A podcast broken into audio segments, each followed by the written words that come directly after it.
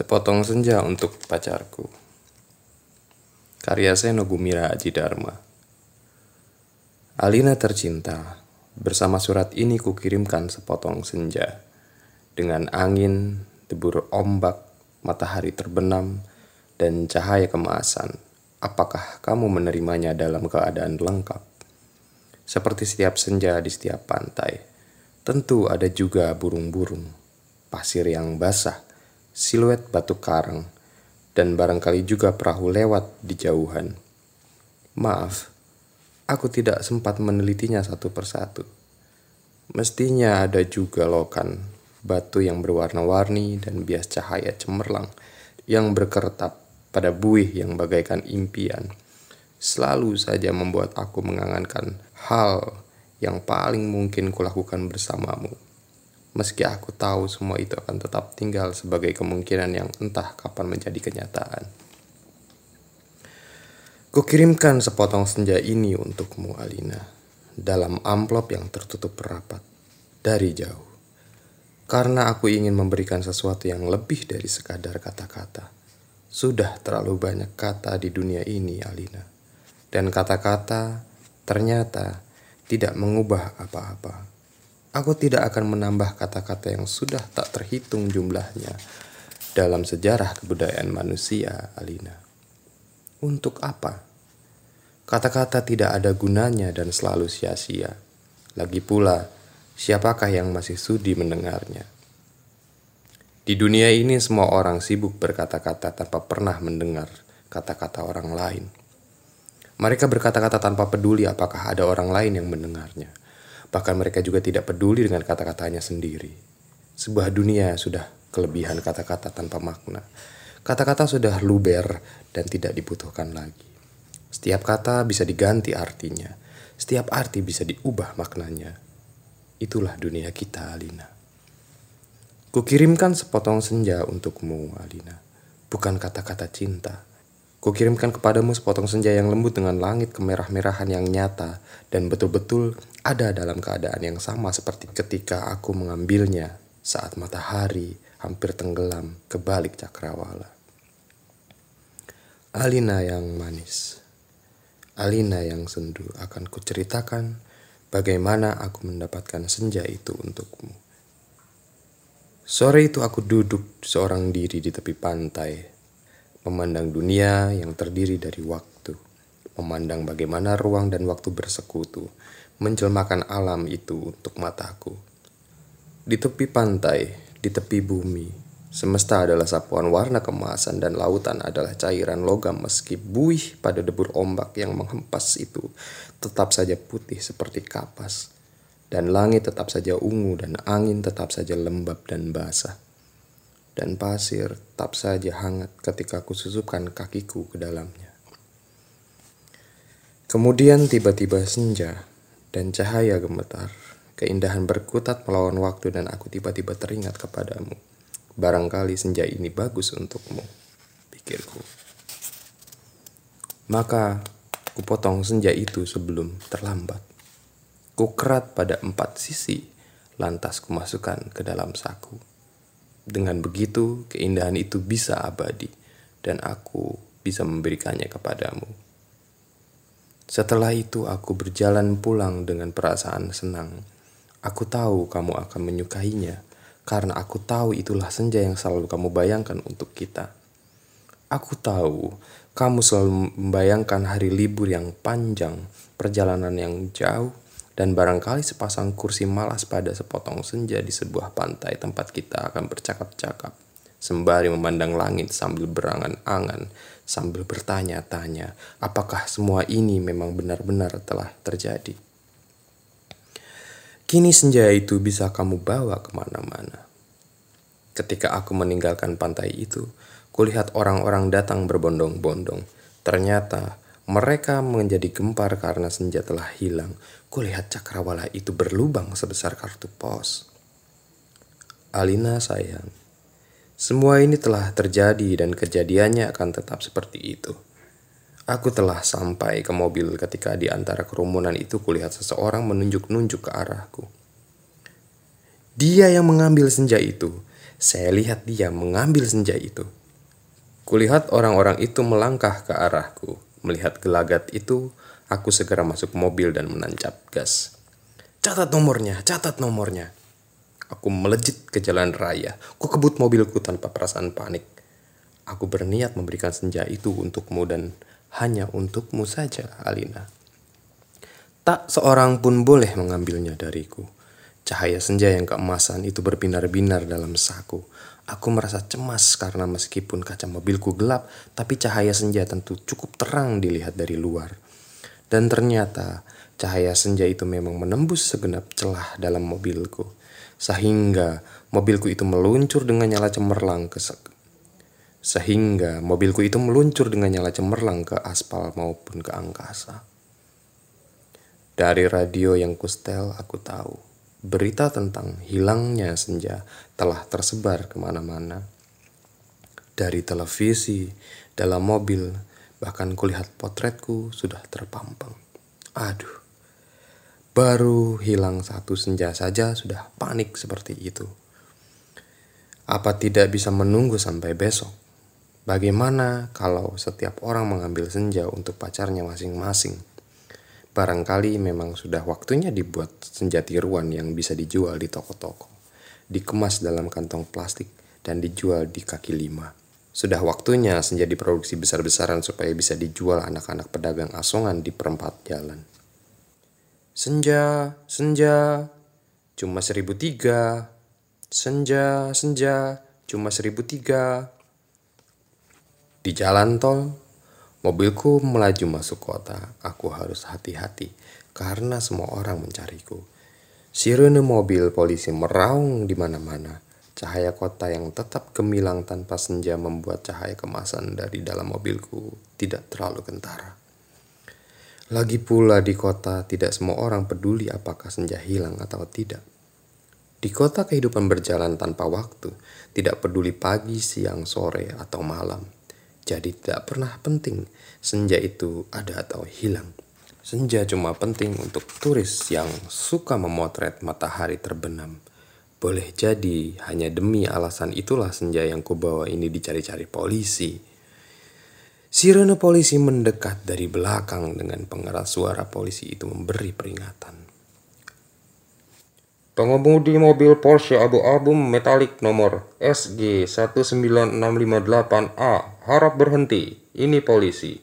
Anda ditahan karena dituduh telah membawa senja, meskipun tidak ada peraturan yang melarangnya. Tapi berdasarkan... Aku tidak sudi mendengarnya lebih lama lagi.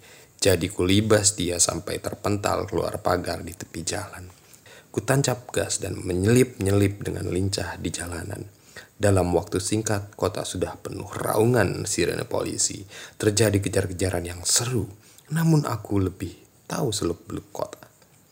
Jalanan dengan cahaya yang bermain warna, ganggang gelap yang tak pernah tercatat dalam buku alamat, lorong-lorong rahasia yang hanya diperuntukkan bagi orang-orang di bawah tanah. Satu mobil terlempar di jalan layang, satu mobil lain tersesat di sebuah kampung, dan satu mobil lagi terguling-guling menabrak truk dan meledak lantas terbakar. Masih ada dua polisi bersepeda motor mengejarku. Ini soal kecil. Mereka tak pernah bisa mendahuluiku. Dan setelah kejar-kejaran beberapa lama, kulihat senja dalam saku bajuku. Masih utuh. Angin berdesir. Langit semburat ungu.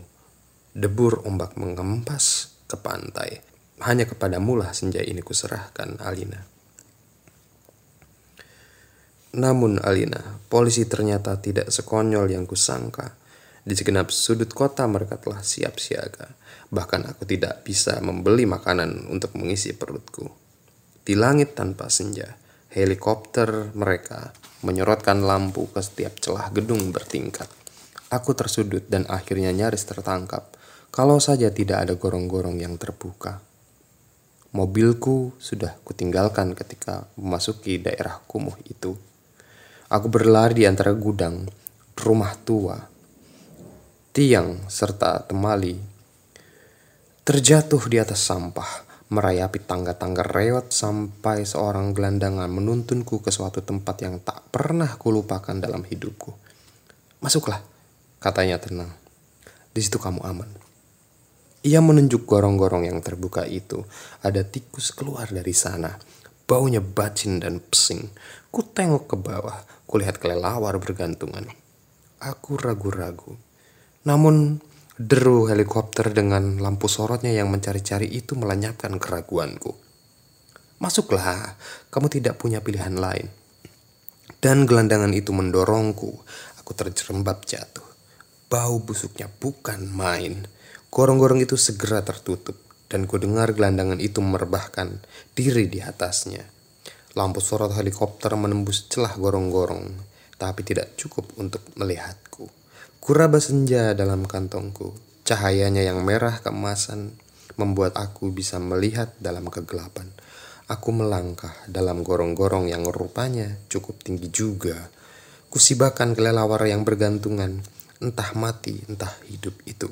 Kulihat cahaya putih di ujung gorong-gorong. Air busuk mengalir setinggi lutut. Tapi makin ke dalam makin surut. Di tempat yang kering kulihat anak-anak gelandangan duduk-duduk maupun tidur-tiduran. Mereka berserakan memeluk rebana dengan mata yang tidak memancarkan kebahagiaan. Aku berjalan terus melangkahi mereka dan mencoba bertahan. Betapapun ini lebih baik daripada aku harus menyerahkan senja Alina.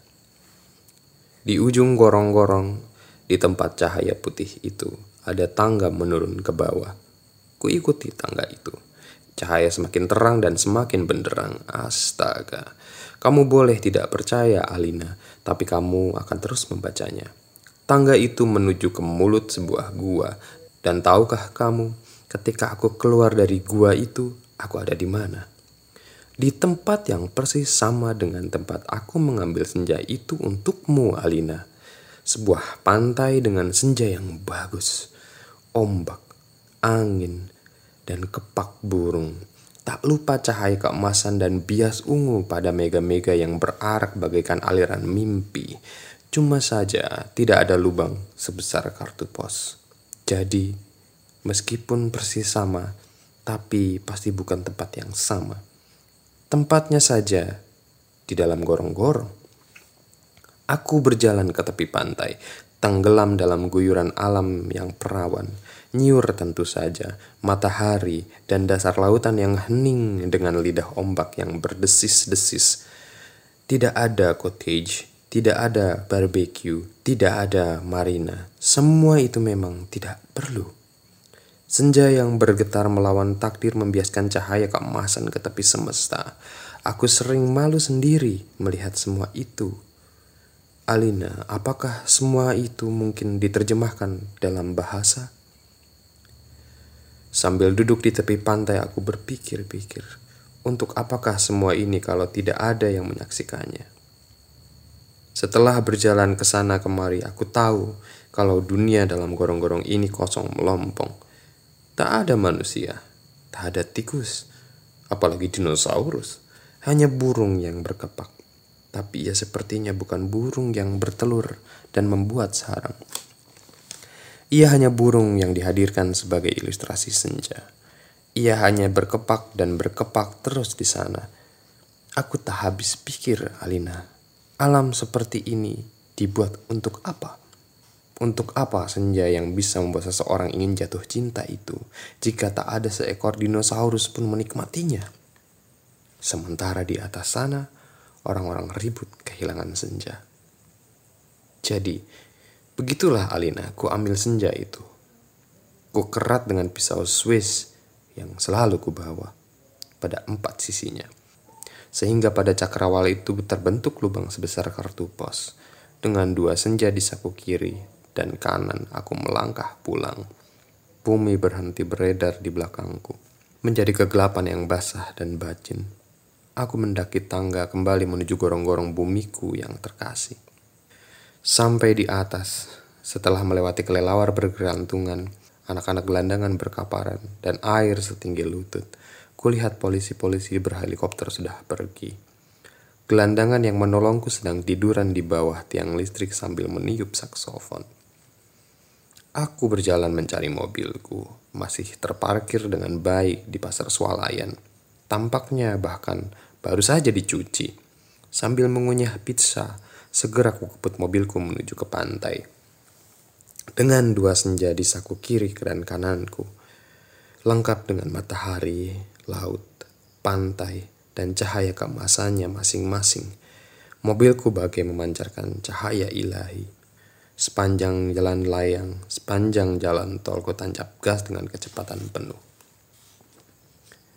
Alina kekasihku, pacarku, wanitaku. Kamu pasti sudah tahu apa yang terjadi kemudian. Kupasang senja yang dari gorong-gorong itu pada lubang sebesar kartu pos itu. Yang ternyata pas. Lantas ku kirimkan senja yang asli ini untukmu lewat pos. Aku ingin kamu mendapatkan apa yang kulihat pertama kali. Senja dalam arti yang sebenarnya. Bukan semacam senja yang ada di gorong-gorong itu. Kini gorong-gorong itu betul-betul menjadi gelap, Alina. Pada masa yang akan datang, orang-orang tua akan bercerita pada cucunya tentang kenapa gorong-gorong menjadi gelap. Mereka akan berkisah bahwa sebenarnya ada alam lain di bawah gorong-gorong dengan matahari dan rembulannya sendiri. Tetapi semua itu tiada lagi karena seseorang telah mengambil senja untuk menggantikan senja lain di atas bumi.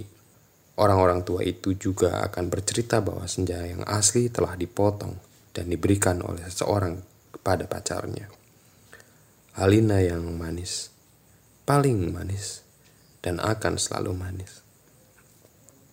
Terimalah sepotong senja itu hanya untukmu dari seseorang yang ingin membahagiakanmu. Awas, hati-hati dengan lautan dan matahari itu. Salah-salah cahayanya membakar langit dan kalau tumpah airnya bisa membanjiri permukaan bumi. Dengan ini kukirimkan pula kerinduanku dengan cium, peluk, dan bisikan terhangat dari suatu tempat yang paling sunyi di dunia. Karangbolong, Jakarta, 1991